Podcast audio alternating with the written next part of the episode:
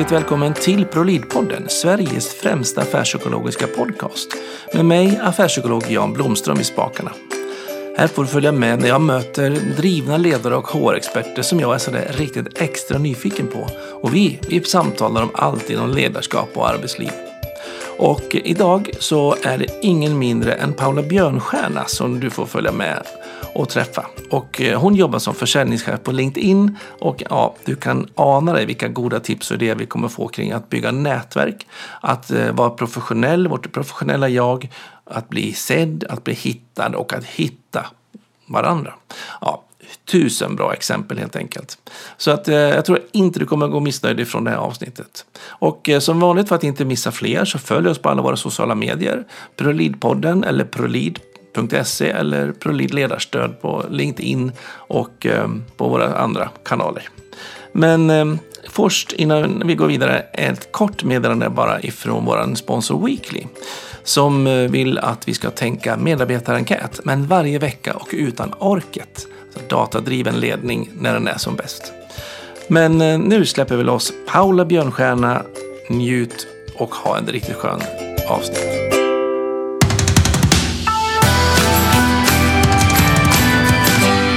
Hjärtligt välkommen till ProLid-podden säger jag till Paula Björnstjärna. Tack snälla.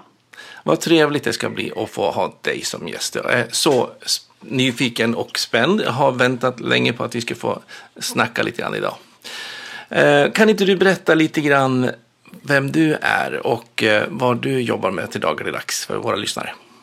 Absolut. Paula Björnstjärna heter jag som sagt och jag jobbar idag på LinkedIn och ansvarar för LinkedIns Enterprise-funktion i Norden. Ja. Så att kort och gott så jobbar jag och mitt team med de största bolagen i Sverige och eh, tar fram strategier för att säkra deras eh, kompetensbehov. Eh, så vilka talanger, vilka typer av kompetenser måste de få in i sina organisationer för att nå sina mål? Ja. Och ta fram en strategi för att lösa det helt enkelt. Härligt. Vad är största utmaningen de har idag som du ser? Alltså det, det är en väldigt eh, föränderlig arbetsmarknad som ja. vi ser. Ehm, och eh, vi ser ju trender som till exempel eh, globalisering, eller förlåt, digitalisering såklart. Ja.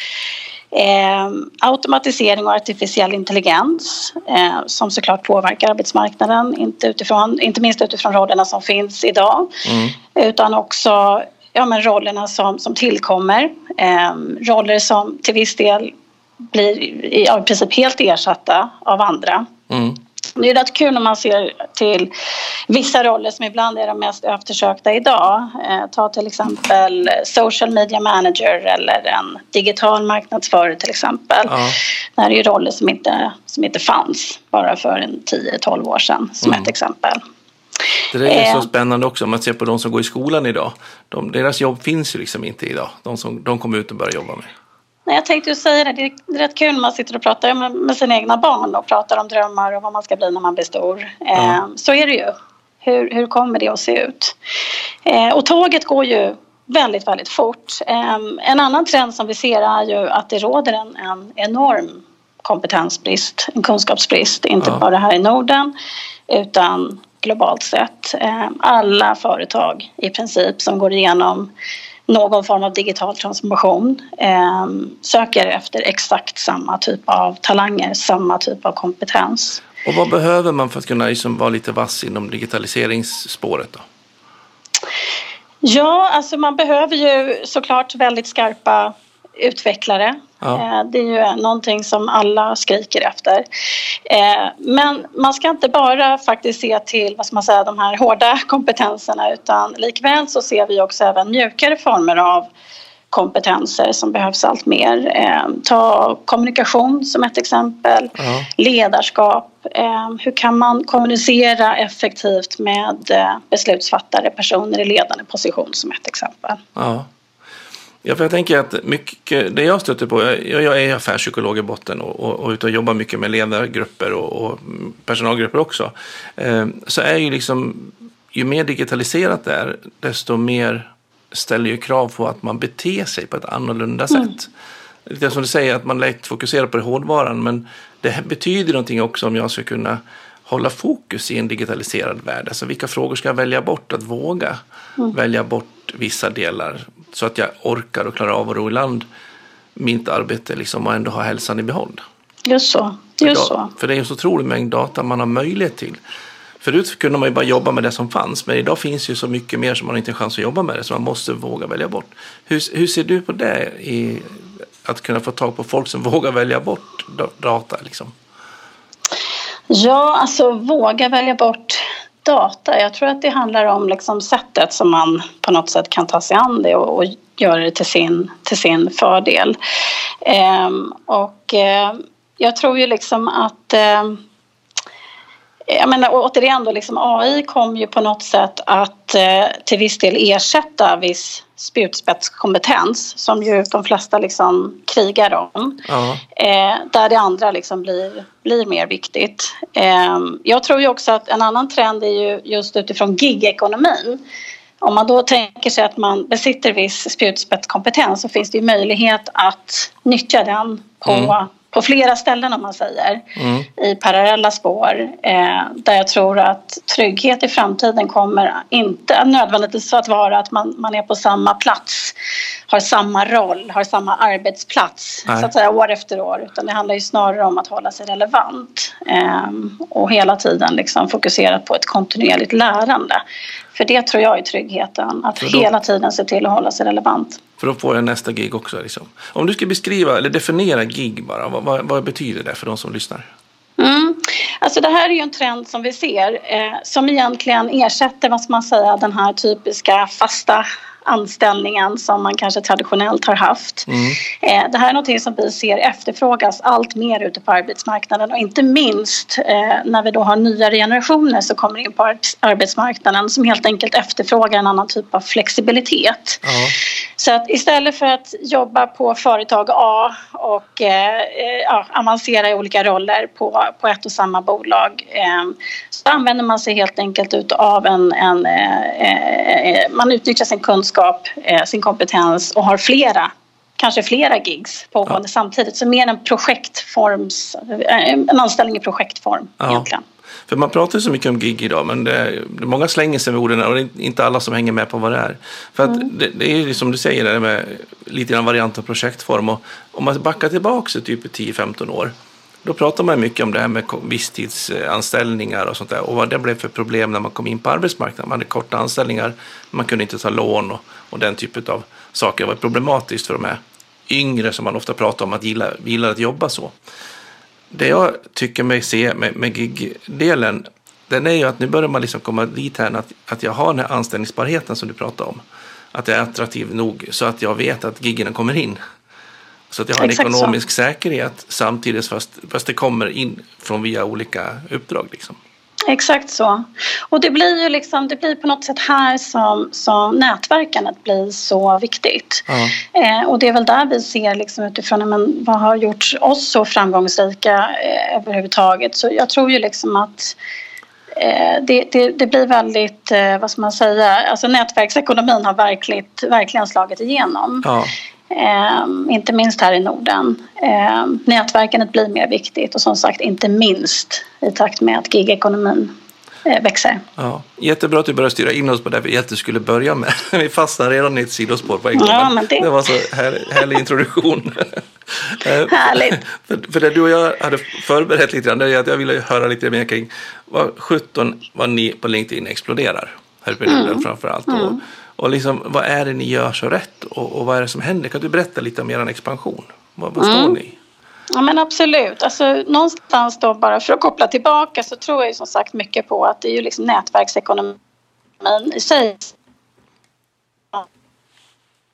Eh, och det är ju i takt med att arbetsmarknaden blir mer rörlig som sagt. Mm. Eh, och som medlem på LinkedIn så ser man ju värdet av att finnas med, att göra sig relevant, att skaffa skaffa sig kunskap, eh, att hålla sig ajour eh, ja. på sitt nätverk men också att göra sig sökbar. Eh, det här är ju LinkedIns vision att, att skapa ekonomiska möjligheter för alla världens yrkesverksamma ja. genom att helt enkelt rätt, matcha rätt kompetens där den bäst behövs. Just det. Och tycker du folk liksom uppdaterar man eller är man liksom är man äkta när man är, har på sina profiler där inne? Alltså, det som är tydligt med LinkedIn det är att på LinkedIn så är man ju med sitt professionella jag. Ja. Ehm, och det är faktiskt ganska häftigt att se hur våra medlemmar verkligen värnar om den kulturen också.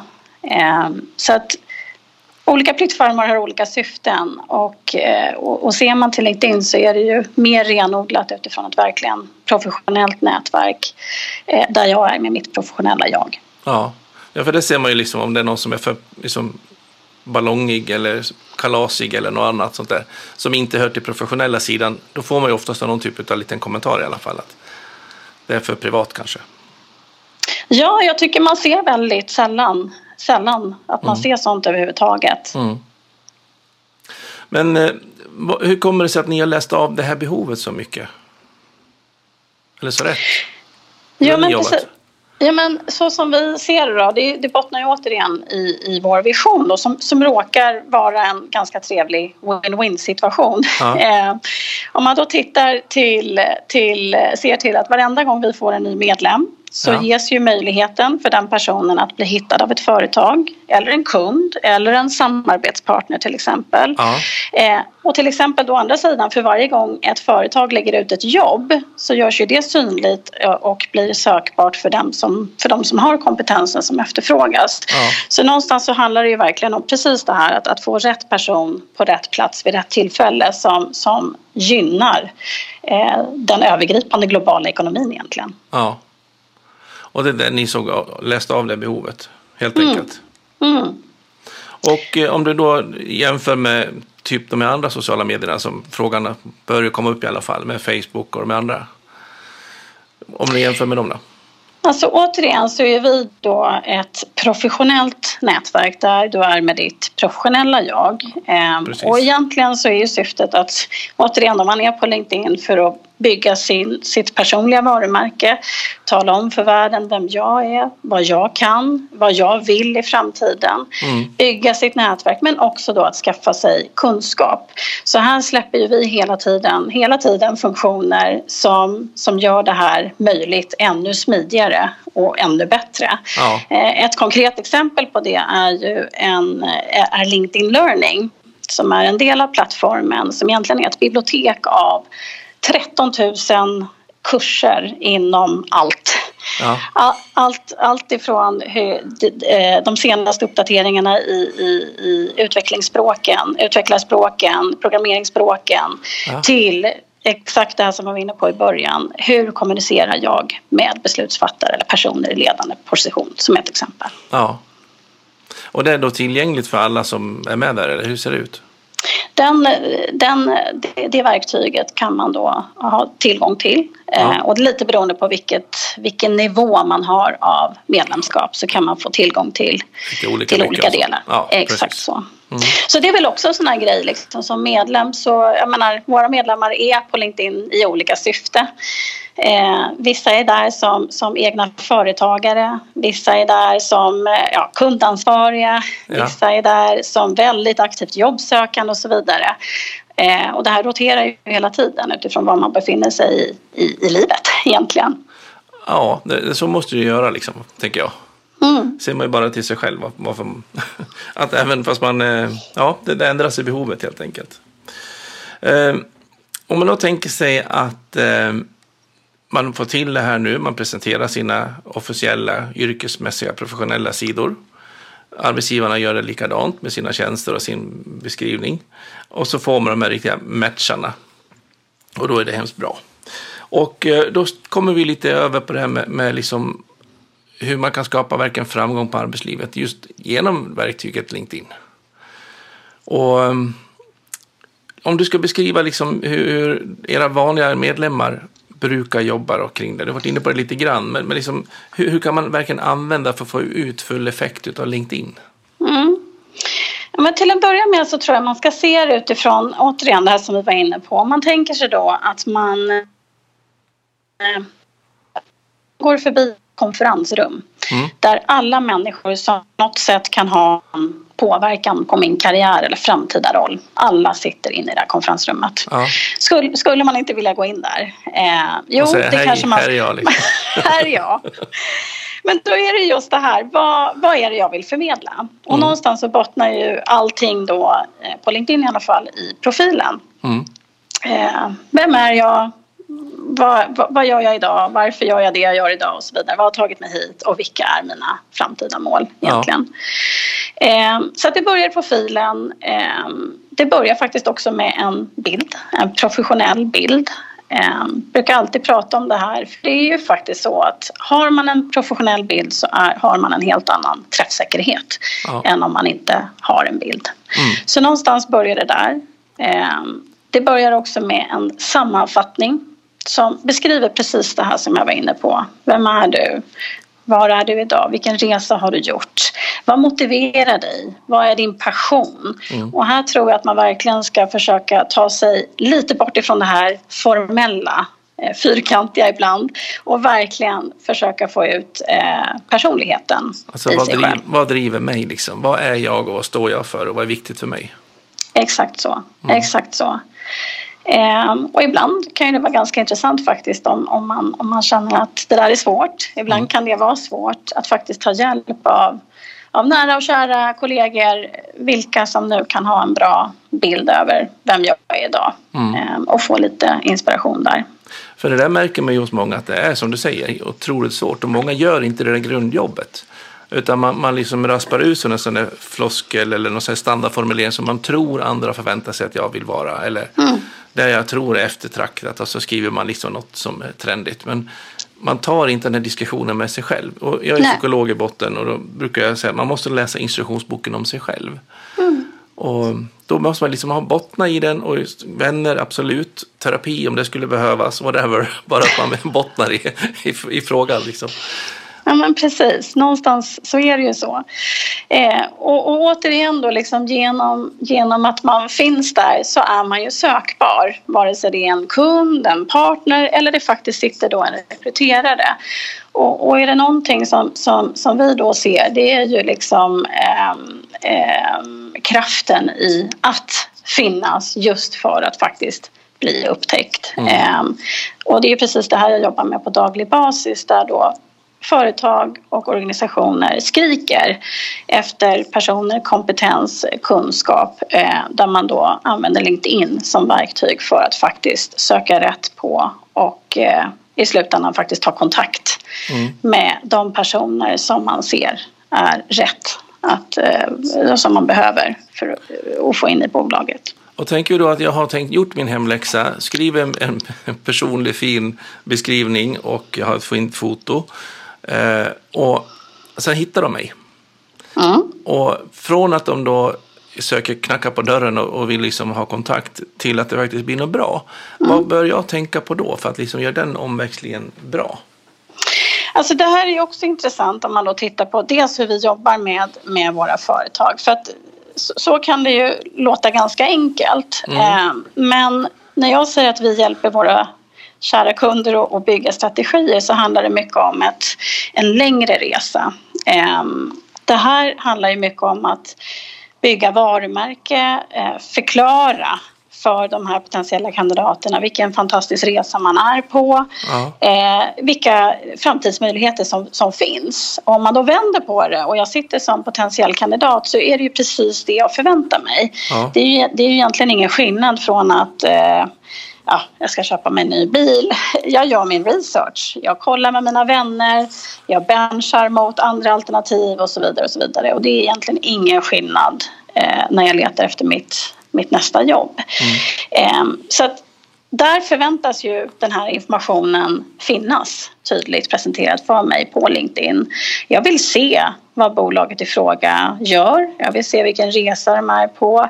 Eh, jag vill se vilka som skulle kunna vara mina potentiella kollegor, eh, potentiella chef till exempel. Ja. Ehm, och då är det viktigt att, att det finns på plats. För att när sen rekryteraren tar kontakt med mig så kommer jag ju såklart vara mycket mer benägen att svara om jag har en ganska tydlig bild för mig att det här är faktiskt ett bolag som jag genuint är intresserad av att, av att veta mer om och faktiskt eh, eh, ja, att jag faktiskt kanske vill tacka ja till den här intervjun om jag får den förfrågan. Och hur, hur är din syn på det här med hur ärlig man ska vara som företag då? Då tänker vi då för de som verkar vill liksom vara attraktiv.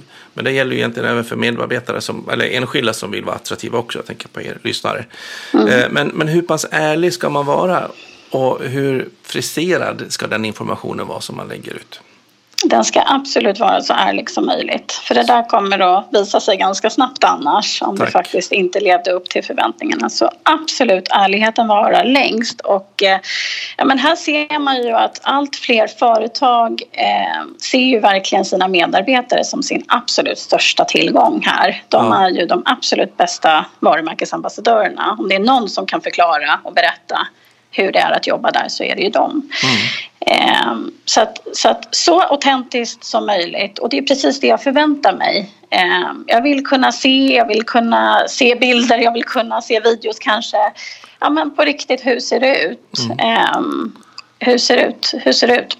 Både styrkorna och svagheterna? Mm. För det är, det är ju så transparent idag. För, för jag tycker liksom att man stöter på de här som ofta vill bara sälja den ensidiga bilden. Och den, den tappar ju sån otroligt i trovärdighet, är min erfarenhet. Och det stämmer mm. med vad du säger också. Att, att våga vara transparent och våga berätta att det här är vi bra på, det här är vi dåliga på. Mm. Gilla oss ändå. Mm. Absolut, absolut så. Eh, så det, det är det som jag tycker är så kul också, just att få möjligheten att och lära känna många av våra kunder och just hjälpa dem att ta fram det här. Mm. Eh, för alla, alla har det ju, så det handlar ju, handlar ju verkligen mycket om presentation och förmågan att på något sätt rikta sig rätt. Att, att göra sig så relevant som möjligt och många gånger är ju just det eh, där man lyckas nå den här matchningen utifrån vilken resa är man på väg att göra som bolag? Vilka områden expanderar man inom och så vidare? Och ja. vilka typer av talanger bör man, behöver man få in?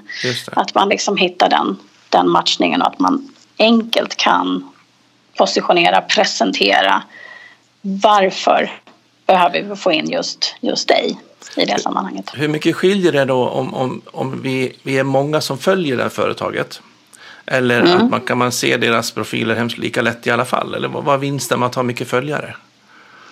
Alltså någonstans så just det här med följare är ganska intressant. Eh, eller det är väldigt intressant för det blir väldigt svart på vitt. Att många gånger är det första sättet så att säga för mig att börja intressera mig.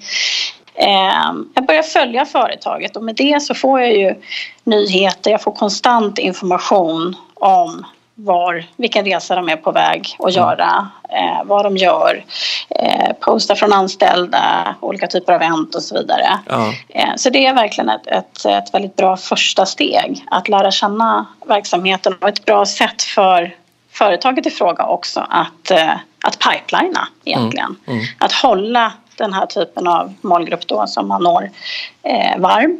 Och återigen då när sen behovet uppstår och rekryterarna kontaktar så kommer jag vara mycket mer benägen att svara eh, om jag faktiskt har följt företaget ja. innan. Jag har ju haft min privata personliga profil ganska länge. Men mm. min företagsprofil har jag ganska nyligen lagt upp. Eh, mm. Och jag tror jag har 22 följare på den. Så att, Härligt! Det är i alla fall i början. Så att alla ni som lyssnar, gå in och följ ProLead ledarstöd gärna så får jag lite fler följare där. Det ska jag absolut göra. Ja, Härligt. Ehm, och Jan Blomström heter jag då på min, min andra LinkedIn-profil om du vill följa med där. Ehm, men i alla fall så är ju det intressant det för att man får alltid så dåligt samvete att man borde ha många fler följare tänker jag. Ja, fast det där hör jag ibland också. Och det är ja, men också från, från liksom just det där, men hur kan man få fler? Och på något sätt så tror jag man måste tänka kvantitet kontra kvalitet. Mm. Ehm, för så är det ju alltid liksom. Att ha bara för att ha kontra vilka är det vi verkligen vill få in i det här om vi är tillbaka på det här konferensrummet. Ja. Jag sitter i konferensrummet och vill få in bra talanger. Eh, vilka är det vi verkligen, verkligen vill ska, mm. få, vill ska gå in i det där rummet? Och det är ju liksom, ja det är ju ganska självklart när du säger det sådär, såklart. Mm. Mm. Ja, så är det. Eh, man vill ju ha det sina som, som faktiskt delar och förenar och liksom är med på samma, vill vara med på samma resa någonstans. Och delar samma verklighetsbild eller vill vara med och utmana min verklighetsbild kanske. Exakt så. Men, men Exakt någonstans så. har ett intresse av den här bilden som vi, vi någonstans sitter i. Eller med. Mm. Eh, Du var inne på det lite grann med, med liksom när då rekryterar en kontaktar eh, som är din huvudmålgrupp. Men för många av våra lyssnare så är det ju också att man, man kanske är enskild som söker upp någon person och verkar in, tycker att den är intressant. Eh, och mm, där tänker jag ju själv lite grann att när jag får förfrågningar att följa och, och sådär så, så kanske jag är lite för lätt låt tacka ja och så inte göra något med dem. Mm. Och vad blir det för nackdel då? Ska man säga nej istället från början? Eller ska man häng, ha dem hängande med en stund? Eller ska man, bör man skriva hej vad kul att du sökte upp mig här? Eller vad, vad, vad är din rekommendation kring sånt? Alltså det där skulle jag säga är högst individuellt faktiskt. Jag vet inte om det finns ett, ett ja och nej svar på det egentligen. Eh, Jag kan ju se till mig själv utifrån just när man får kontaktförfrågningar och så. Så handlar det mycket återigen då. Jag är ju på LinkedIn med mitt professionella jag och på Ja. något sätt tackar väl jag. Jag tackar ja till de som jag tror eh, jag kan ha hjälp av i min profession. Ja. Vare sig det är idag eller imorgon eller vid någon annan tidpunkt. Att det Eh, känns och liksom utgår någon mycket- typ av relevans liksom i, i Precis så. Mm. Precis så. Eh, och ska man själv ta kontakt så är rekommendationen alltid att man inte bara kanske friskt trycker iväg de här inbjudningarna utan att man faktiskt kanske eh, ägnar en rad eller två. Hej Jan, jag vill gärna komma i kontakt med dig för att jag Ja. ser det här. Mm. Och där är ju lite olika beroende på vart man söker förfrågan någonstans har jag förstått. För att ibland när man tänker sig att man ska skriva en sån där ruta så går den iväg bara. Och ibland så kan man skriva den. Och då blir jag alltid så Precis. frustrerad. Så jag bara, nej nu var jag på fel ställe igen, jag ska gått på den andra. men men, jag tänkte jag får, Ja, det är man får överleva alltid. ändå. Tungan rätt i mun. Absolut. Nej, Absolut. men, eh, och det, det, jag tycker det är lättare när jag söker upp folk. För då, då har jag ju liksom gjort den här bedömningen och man kan liksom, ja, men, eh, varför vill jag följa den och varför vill jag liksom ha kontakt och vad är mitt syfte med det? Exakt. Och ibland är det ju för att man bara tycker att wow, det verkar spännande, det vill jag, jag är lite nyfiken på, jag vill ligga där i skalvattnet och, och, och liksom, ja, spana in lite grann, liksom, gäddan i vasset liksom. Mm. Ehm, och ibland så vill man verkligen ha eh, någon, ja, ett syfte som man vill uttala. Mm. Men det är, ju, det är ju precis det. Så det är ju, vare sig det är liksom, så att säga, individ till individ eller individ till företag så är det ju precis det här. Liksom, Mm. att, är det här en person, är det här ett företag som på något sätt kan ge mig, ge mig kunskap? För varje gång du delar någonting så ser jag det, jag konsumerar det, eh, delar det vidare till mitt nätverk så blir ju det kunskap även för dem. Ja. Eh, det är ju precis så det, det, så att säga, det sprids. Mm. Eh, jag tänker ju eh, dock att, eh, jag tänker på de här som svarar det här lite mer standardbara, vad- ja, kul att du följer mig eller något sånt där. Eh, där det känns att det är en sån här standardfras utan egentligen innebörd. Det känns ju, tycker för mig i alla fall, inte särskilt kul. Då är det bättre att de inte säger något alls. Om jag har fått kontakt med någon. Ja, Eh, hellre en personlig, där man liksom vet att man kan liksom bygga en kontakt. Jo, men det, jag tror liksom, återigen, liksom, personligheten varar längst. Mm. Ja, ju mer personlig man kan vara, desto större genomslag kommer man ha. Mm. Eh, De som har konton men nästan aldrig använder det, hur, vad kan de tänka på för att stärka sitt nätverkande? Mm. Alltså, jag tror att man behöver inte göra det så komplicerat. Eh, man kan börja smått och, och bygga större. Eh, jag tror att det är många som liksom tänker att den här barriären blir för stor. Liksom. Att men gud, hur kommer jag igång och jag måste dela så mycket och, och, och hit och dit. Liksom. Mm. Att någonstans återigen, börja med att se till att ha en komplett profil.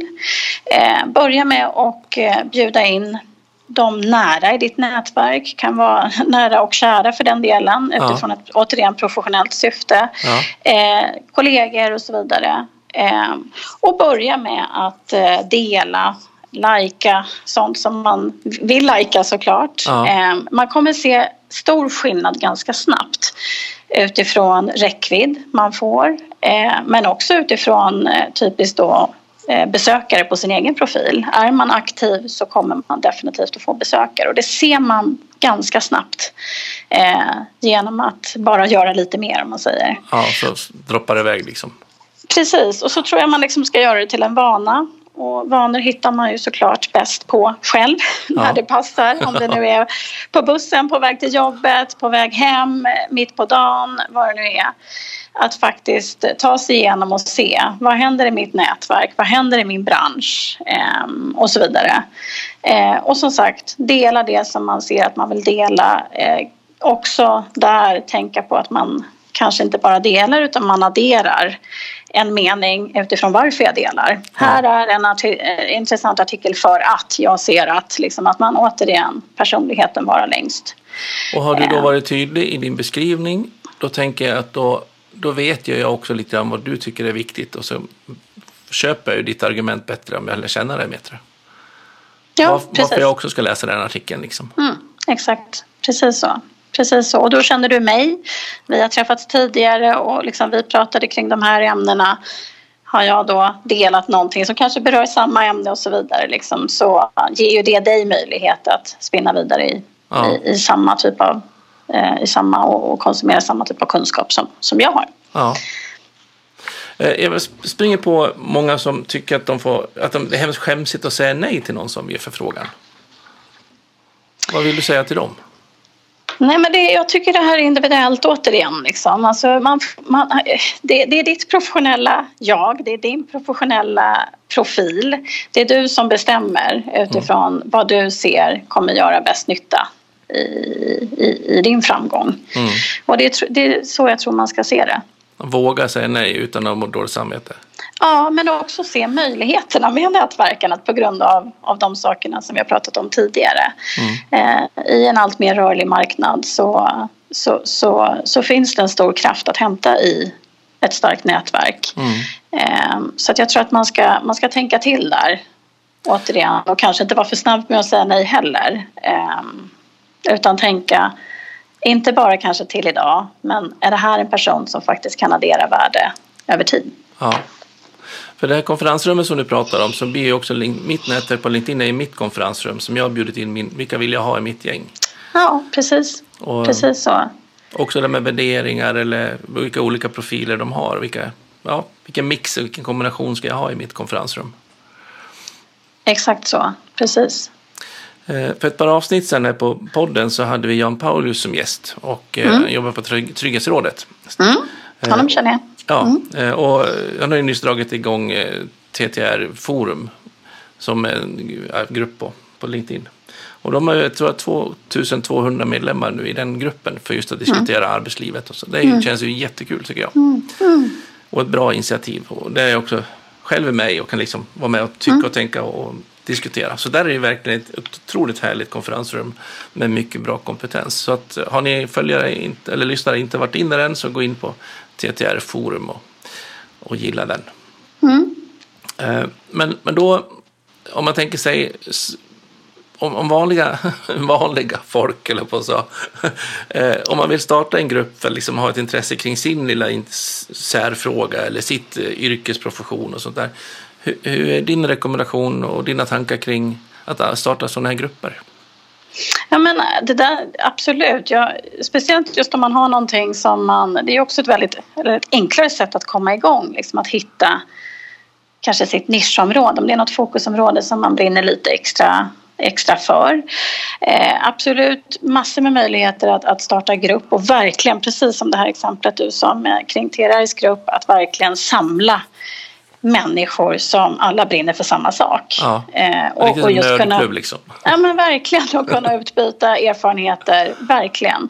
Eh, det, ska, det, man ska veta tror jag när man, man startar en grupp är just att, att, man, att man verkligen ser till att eh, hålla igång det, framförallt i början, att hålla en hög aktivitet. Ja. Eh, så att, så att det behövs alltid lite extra kraft just i början. Och man har ett eh, tydligt syfte tänker jag också, att man vet vad ska den här gruppen leda till, vad, är vårt fokus? Absolut. Vad är, vad är framgång? Och eh, ja, men du vet, hitta de här nyckelpersonerna som verkligen brinner för samma sak. Ja. Få till den här liksom, kritiska massan. Eh, det, det, det är absolut ett väldigt bra och effektivt sätt och, Ja. och, och verktyg för att eh, återigen då skaffa sig ännu mer erfarenheter och kunskap. Och när jag och Jan diskuterade lite grann så var vi också lite inne på det med att våga gå ur grupper som man är och att verkligen göra med aktiva valen vilka grupper man följer. Nu tänker jag om inte vi gör en egen grupp utan följer andra. Att man inte följer kanske för många utan faktiskt gå ur och följ de som man verkligen kan lägga krut på. Eh, och sen kan man ju gå in och följa en grupp igen sen om det liksom är ett nytt behov. Mm. Så resonerar vi lite i alla fall. Mm. Men det är också Ja, individuellt tänker. Ja, men jag, återigen, jag tror att det är lite beroende på var man är. Och så, så här, det, finns ju, det finns ju inte bara ett konferensrum alla gånger. Utan utifrån vad jag är idag och vad jag önskar mer av. Eh, vilket rum ska ta mig dit. Eller Ja. vilka rum. ja. Mm. Ja, spännande. Eh, vad är, kan du berätta lite om vad, vad är de största big eh, no-nos på LinkedIn? Ja, ehm, det är väl värt att säga att LinkedIn är inte en traditionell social mediekanal eh, utan det är ett professionellt nätverk. Idag har vi eh, över 610 miljoner medlemmar Ja. eh, och återigen, du är där med ditt professionella jag. Ehm, Inga semesterbilder i poolen liksom? Nej, jag tänkte precis säga det. Kanske, kanske skippa bilderna från, från dopet eller eh, precis festen i helgen. De hör, inte, de hör inte hemma där. Nej. Om jag inte jobbar som bartender. Inte de heller kanske. Nej, alltså det... Ja, det Då ska det vara den Det- stora festen i baren i så fall. Men, ja, inte men det, precis. men då jobbar man ju. precis, precis, precis. När man inte Eh, själv är. Precis, precis. Eh, men det, det är liksom skämt åsido så är det faktiskt ändå väldigt fint och, och kul att se hur man återigen som medlem ändå faktiskt värnar om den kulturen. Eh, det är väldigt sällan man ser den typen av exempel. Ja. Alltså, hur, har ni lyckats med det? Med så många medlemmar liksom? Ja, alltså vi, det finns ju, vi, man tänker vår, egna, vår egen kultur, våra egna värderingar. Så det som står absolut högst på vår agenda, det är vad vi kallar members first. Eh, Ja. Våra medlemmar sätts alltid i första rummet. Så att det ser vi till att säkra på många olika sätt. Och återigen, men vad är vårt syfte, vad är vår vision och så vidare. Mm. Eh, och säkerställa det. Härligt. Så att eh, alla lyssnare bara var aktiva på LinkedIn och hjälp till och gör LinkedIn ännu större så hjälper LinkedIn er att bli större. Ja. Precis, var sökbar och bli, och bli sökbar. Ja, härligt. Tusen tack. Det var jättespännande att få grotta lite grann i LinkedIns värld. Tack så Tusen mycket för att tack. du kom. Tack snälla Jan. Om man vill eh, ha mer kontakt med dig eller diskutera mer eller få, få hjälp med strategi kanske kring sitt företagandets rekrytering och jakt efter bra talanger, hur får man kontakt med dig? Ja, jag finns ju då med en bra profil, på- allt är relativt, på LinkedIn. Ja, Eh, LinkedIn.com slash Paula Björnstjärna. Där finns jag och eh, där kan man kontakta mig. Härligt. Så kör man vidare därifrån. Tusen Precis. tack så mycket för idag. Tack snälla Jan. Hej. Tack för att jag fick komma. Ja. Hej då. Hej då.